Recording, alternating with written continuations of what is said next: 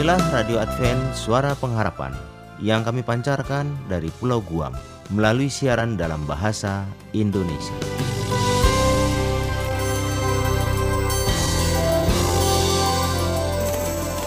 Salam sejahtera kepada saudara pendengar di mana pun Anda berada. Selamat berjumpa kembali dengan kami, Radio Advent Suara Pengharapan. Dengan senang hati, kami akan menemani Anda dan keluarga dengan rangkaian acara yang telah kami persiapkan bagi Anda sekeluarga. Harapan kami, kiranya siaran ini dapat bermanfaat dan menjadi berkat bagi kita semua. Selamat mengikuti dan selamat mendengarkan. Tuhan memberkati.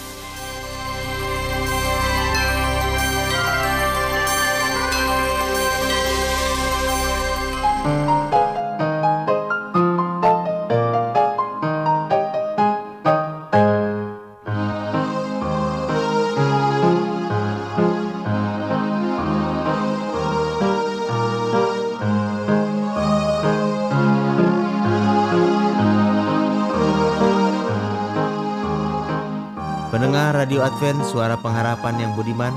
Di mana pun Anda berada Kita bertemu kembali dalam ruang komunikasi rumah tangga. Acara ini akan membahas tentang komunikasi rumah tangga. Acara ini akan diasuh oleh Dr. Niko Koro dan Ayura Yosep Manik. Dari studio kami yang bertugas mengucapkan selamat mendengarkan. Tuhan memberkati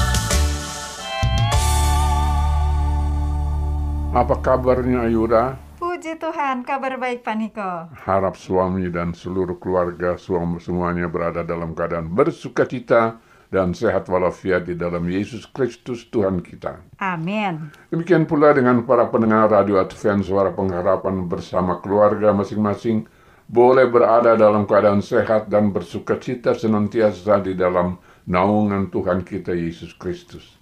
Ya, walaupun dunia kita masih berada di dalam keadaan yang tidak menentu, perang Ukraina dan Rusia belum juga ada tanda-tanda selesainya. Ya, Namun tentunya kita berharap bahwa yang menuntun bahtera rumah tangga kita ini adalah masing-masing Yesus Kristus Tuhan kita. amin.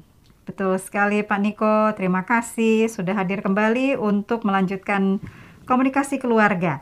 Harapan kami juga Pak Niko serta keluarga senantiasa berada dalam keadaan sehat walafiat.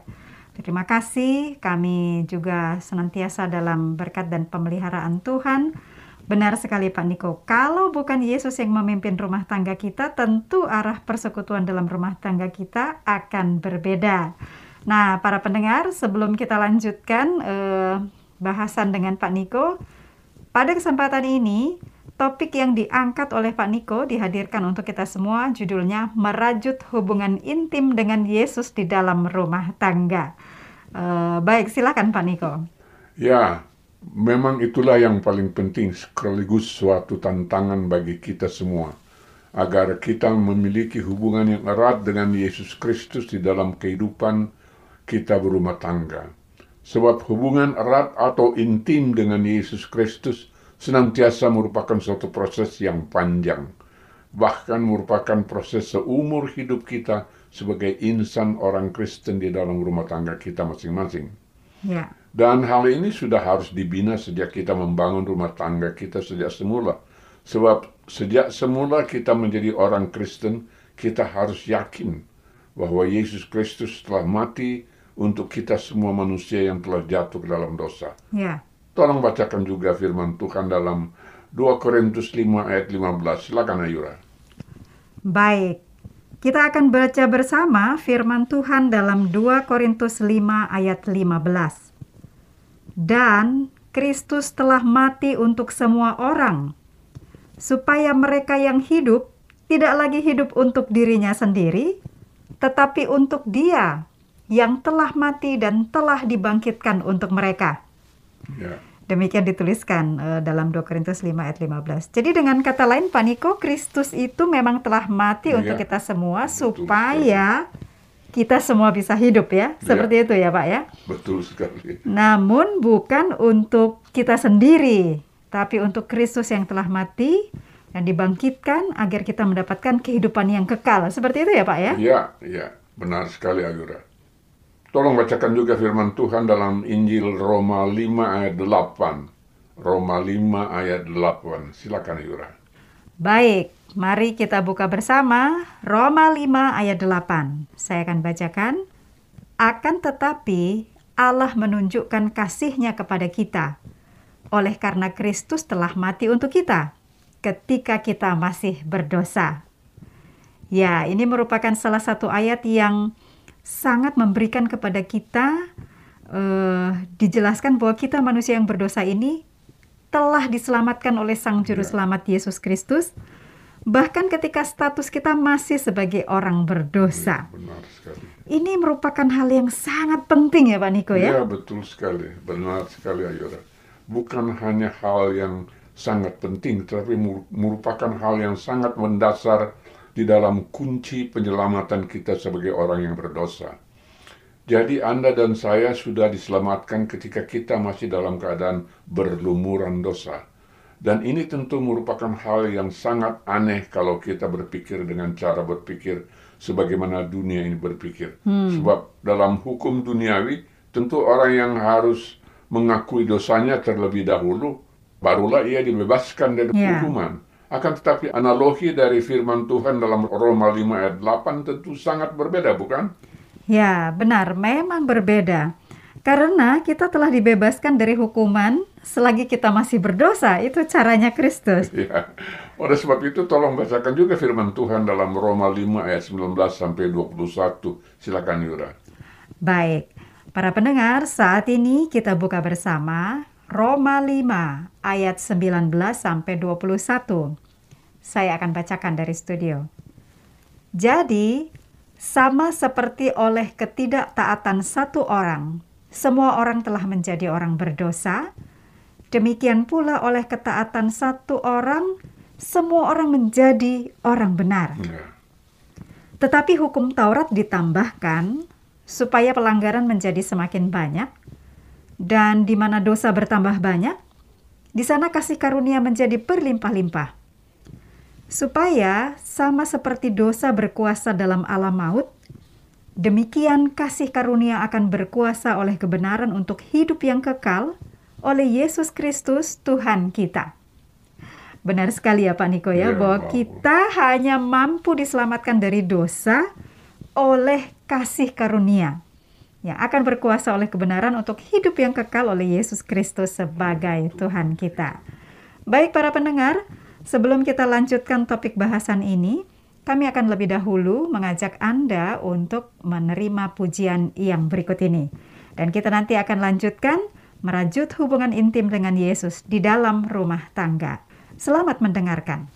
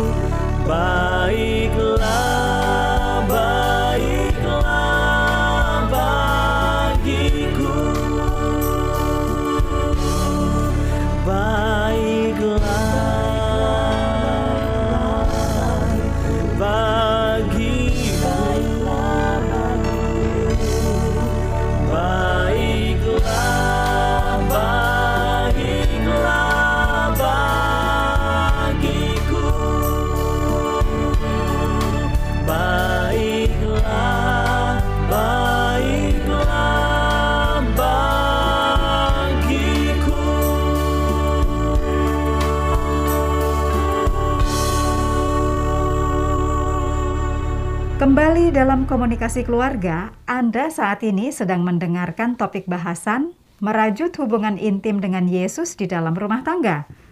Tadi sebelum lagu kita sudah baca bersama Roma 5 ayat 19 sampai 21.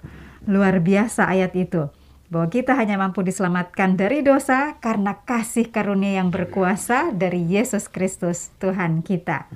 Saya akan serahkan kepada Pak Niko untuk melanjutkan. Silakan Pak Niko. Ya, terima kasih Ayura. Ya, tanpa kita sadari bahwa inilah mujizat yang paling besar dari kasih karunia Tuhan kepada kita manusia. Dan ini pula yang merupakan inspirasi surgawi melalui tulisan Nyonya White. Tolong bacakan tulisan tersebut. Silakan Ayura. Baik, mari eh, kita dengarkan tulisan dari inspirasi surgawi yang ditulis oleh Ibu White ya sebagai berikut. But God demonstrate his own love for us in this. While we were still sinners, Christ died for us. Dalam bahasa Indonesianya adalah tetapi Tuhan mendemonstrasikan cinta kasihnya sendiri melalui hal ini. Sementara kita masih dalam keadaan berdosa, Kristus telah mati untuk kita. Jadi di sini Tuhan Yesus Kristus sendiri yang mendemonstrasikan melalui cinta kasihnya kepada kita ya Pak Niko ya. betul sekali Ayura. Jadi walaupun kita ini masih berada dalam keadaan berdosa, tapi Yesus sudah rela mati untuk kita Ya. manusia.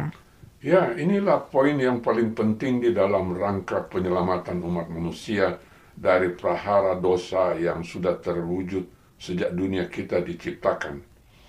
Ketika Adam dan Hawa lebih dahulu jatuh ke dalam dosa oleh karena menuruti rayuan maut sang iblis. Namun puji syukur dalam Alkitab Perjanjian Lama Allah Bapa telah mewujudkan rencana keselamatan untuk manusia dari dosa. Tolong bacakan juga firman Tuhan dalam buku Kejadian 3 ayat 15. Silakan Yura. Baik, mari kita baca Kejadian 3 ayat 15. Saya akan bacakan. Aku akan mengadakan permusuhan antara engkau dan perempuan ini, antara keturunanmu dan keturunannya. Keturunannya akan meremukkan kepalamu dan engkau akan meremukkan tumitnya. Ayat ini eh, sangat menarik sebetulnya ya. Tetapi ayat ini merupakan berita Injil yang pertama dalam Alkitab Perjanjian Lama. Seperti itu ya Pak Niko? Iya benar sekali Yura, benar sekali.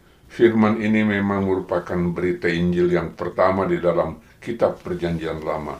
Saya mencoba mencari analisis dari firman ini melalui Google dan saya mendapatkan penjelasan berikut ini. Tolong bacakan penjelasan tersebut tentang firman Tuhan dalam buku Kejadian 3 ayat 15. Silakan Yura. Baik, saya akan bacakan analisis yang sudah ditemukan oleh Pak Niko tentang firman tersebut. Sebagai tanggapan langsung terhadap penipuan ular dan ketidaktaatan Adam dan Hawa, Tuhan mengucapkan kutukan atas masing-masing dari mereka, serta pada generasi berikutnya. Dalam ayat sebelumnya, Tuhan memulai kutukannya pada ular dan setan yang mengambil bentuk atau tubuh ular. Dalam ayat ini, kutukan difokuskan sepenuhnya pada setan. Tuhan mengatakan terjadi permusuhan antara setan dan wanita itu. Dan secara fakta, keturunan mereka atau benih akan tetap menjadi musuh sepanjang generasi. Ya. Keturunan Hawa tentu saja mencakup seluruh umat manusia, lahir dari generasi ke generasi hingga saat ini. Tapi siapa keturunan setan? Tidak mungkin ini mengacu pada anak biologis iblis yang sebenarnya. Keturunan setan mungkin termasuk semua malaikat yang jatuh yang akan mengikutinya. Dan itu pasti termasuk orang-orang yang akan percaya dan mempraktekkan kebohongan dari setan. Yesus memanggil para pemimpin agama Yahudi dalam Yohanes 8 ayat 44 dan mengatakan seperti ini. Iblislah yang menjadi bapamu dan kamu ingin melakukan keinginan-keinginan bapamu. Ia adalah pembunuh manusia sejak semula dan tidak hidup dalam kebenaran. Sebab di dalam dia tidak ada kebenaran. Apabila ia berkata dusta, ia berkata atas kehendaknya sendiri, sebab ia adalah pendusta dan bapa segala dusta. Kutukan atau nubuatan terakhir Tuhan kepada ular adalah bahwa keturunan wanita itu akan meremukkan kepala setan, dan setan akan memukul atau meremukkan tumitnya. Banyak sarjana Alkitab melihat ini sebagai referensi kepada Kristus, anak Allah, dan juga anggota tertinggi dari keturunan Hawa. Setan akan merusak Kristus, tetapi dia akan memiliki kemenangan akhir atas nama umat manusia. Mereka yang ada di dalam Kristus akan merayakan kemenangan bersama Dia untuk selama-lamanya. Inti dari kutukan Tuhan terhadap iblis adalah Dia telah menjadi musuh umat manusia sejak awal. Dia tidak pernah bisa dipercaya. Seperti yang dituliskan oleh Petrus, dia, yaitu setan, terus berburu dan berusaha untuk melahap manusia sampai hari ini. Dicatat dalam 1 Petrus 5 ayat 8. Meskipun setan ini tidak akan diizinkan untuk melakukannya selamanya. Baik, mudah-mudahan semuanya boleh mendapatkan eh, inspirasi dari penjelasan yang cukup panjang ini ya, Pak Niko. Namun, eh, kita bisa melihat dengan jelas bahwa Yesus Kristus sudah dinubuatkan sebagai juru selamat dunia sejak dalam kitab perjanjian lama. Seperti itu ya, Pak Iya, Niko ya. Eh, namun para pendengar, karena waktu jua yang membatasi diskusi kita, kali ini kita harus hentikan dahulu, tapi kita akan lanjutkan tentang topik bahasan ini pada pertemuan selanjutnya. Dan Pak Niko, narasumber kita akan menutup pertemuan ini dalam doa. Terima kasih Pak Niko dan dipersilahkan untuk menutup dalam doa. Terima kasih Ayura. Saudara pendengar Radio Advent Suara Pengharapan di mana pun Anda berada, mari kita tunduk kepala sejenak dan berdoa. Terima kasih Tuhan atas tuntunan melalui roh kudus, kami dapat menyelesaikan diskusi ini pada hari ini tentang merajut hubungan intim dengan Yesus di dalam rumah tangga. Kiranya ini semua dapat menjamah hati sanubari kita semua untuk selalu memiliki hubungan intim dengan Yesus karena dialah satu-satunya juru selamat kita yang hidup. Tolong dengarkan seruan dan doa kami ini di dalam nama Yesus Kristus yang hidup. Amin. Amin.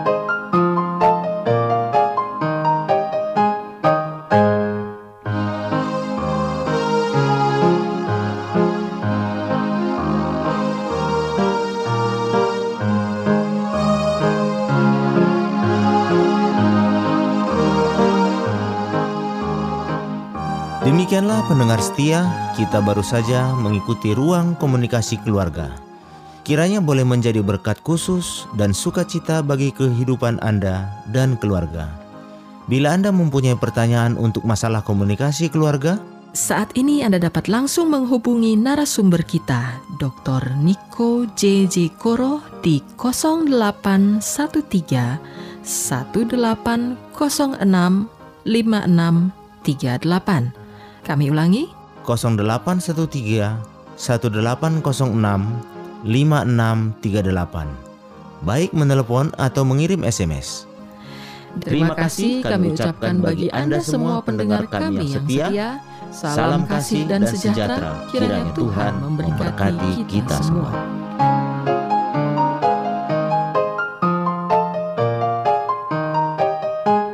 Yesus mengubah jalan hidupku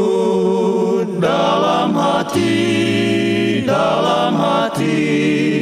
Sirnalah susah dan beban dosa, jiwaku jadi baru. Dalam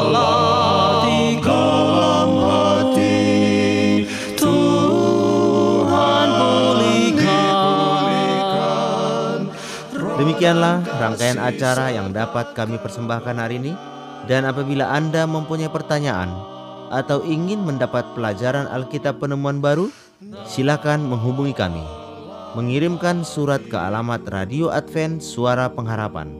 PO Box 8090 Jakarta 12810 Indonesia. Anda juga dapat menghubungi kami melalui telepon atau SMS di nomor 0821 1061 1595 Atau Anda dapat menulis di email kami awrindonesia@yahoo.co.id. Anda juga dapat bergabung di Facebook kami Pendengar Radio Advent Suara Pengharapan atau di Radio Advent Suara Pengharapan. Terima kasih kami ucapkan bagi Anda semua pendengar kami yang setia. Kita akan berjumpa kembali pada waktu dan gelombang yang sama esok hari. Salam, Salam kasih dan sejahtera. Kiranya Tuhan memberkati kita semua. dan kekal sepanjang masa dalam hati, dalam hati. Kasihnya yang selamatkan aku, karya kekal selamanya. Dalam hati, dalam hati, Tuhan pulihkan roh dan kasih serta kebenaran.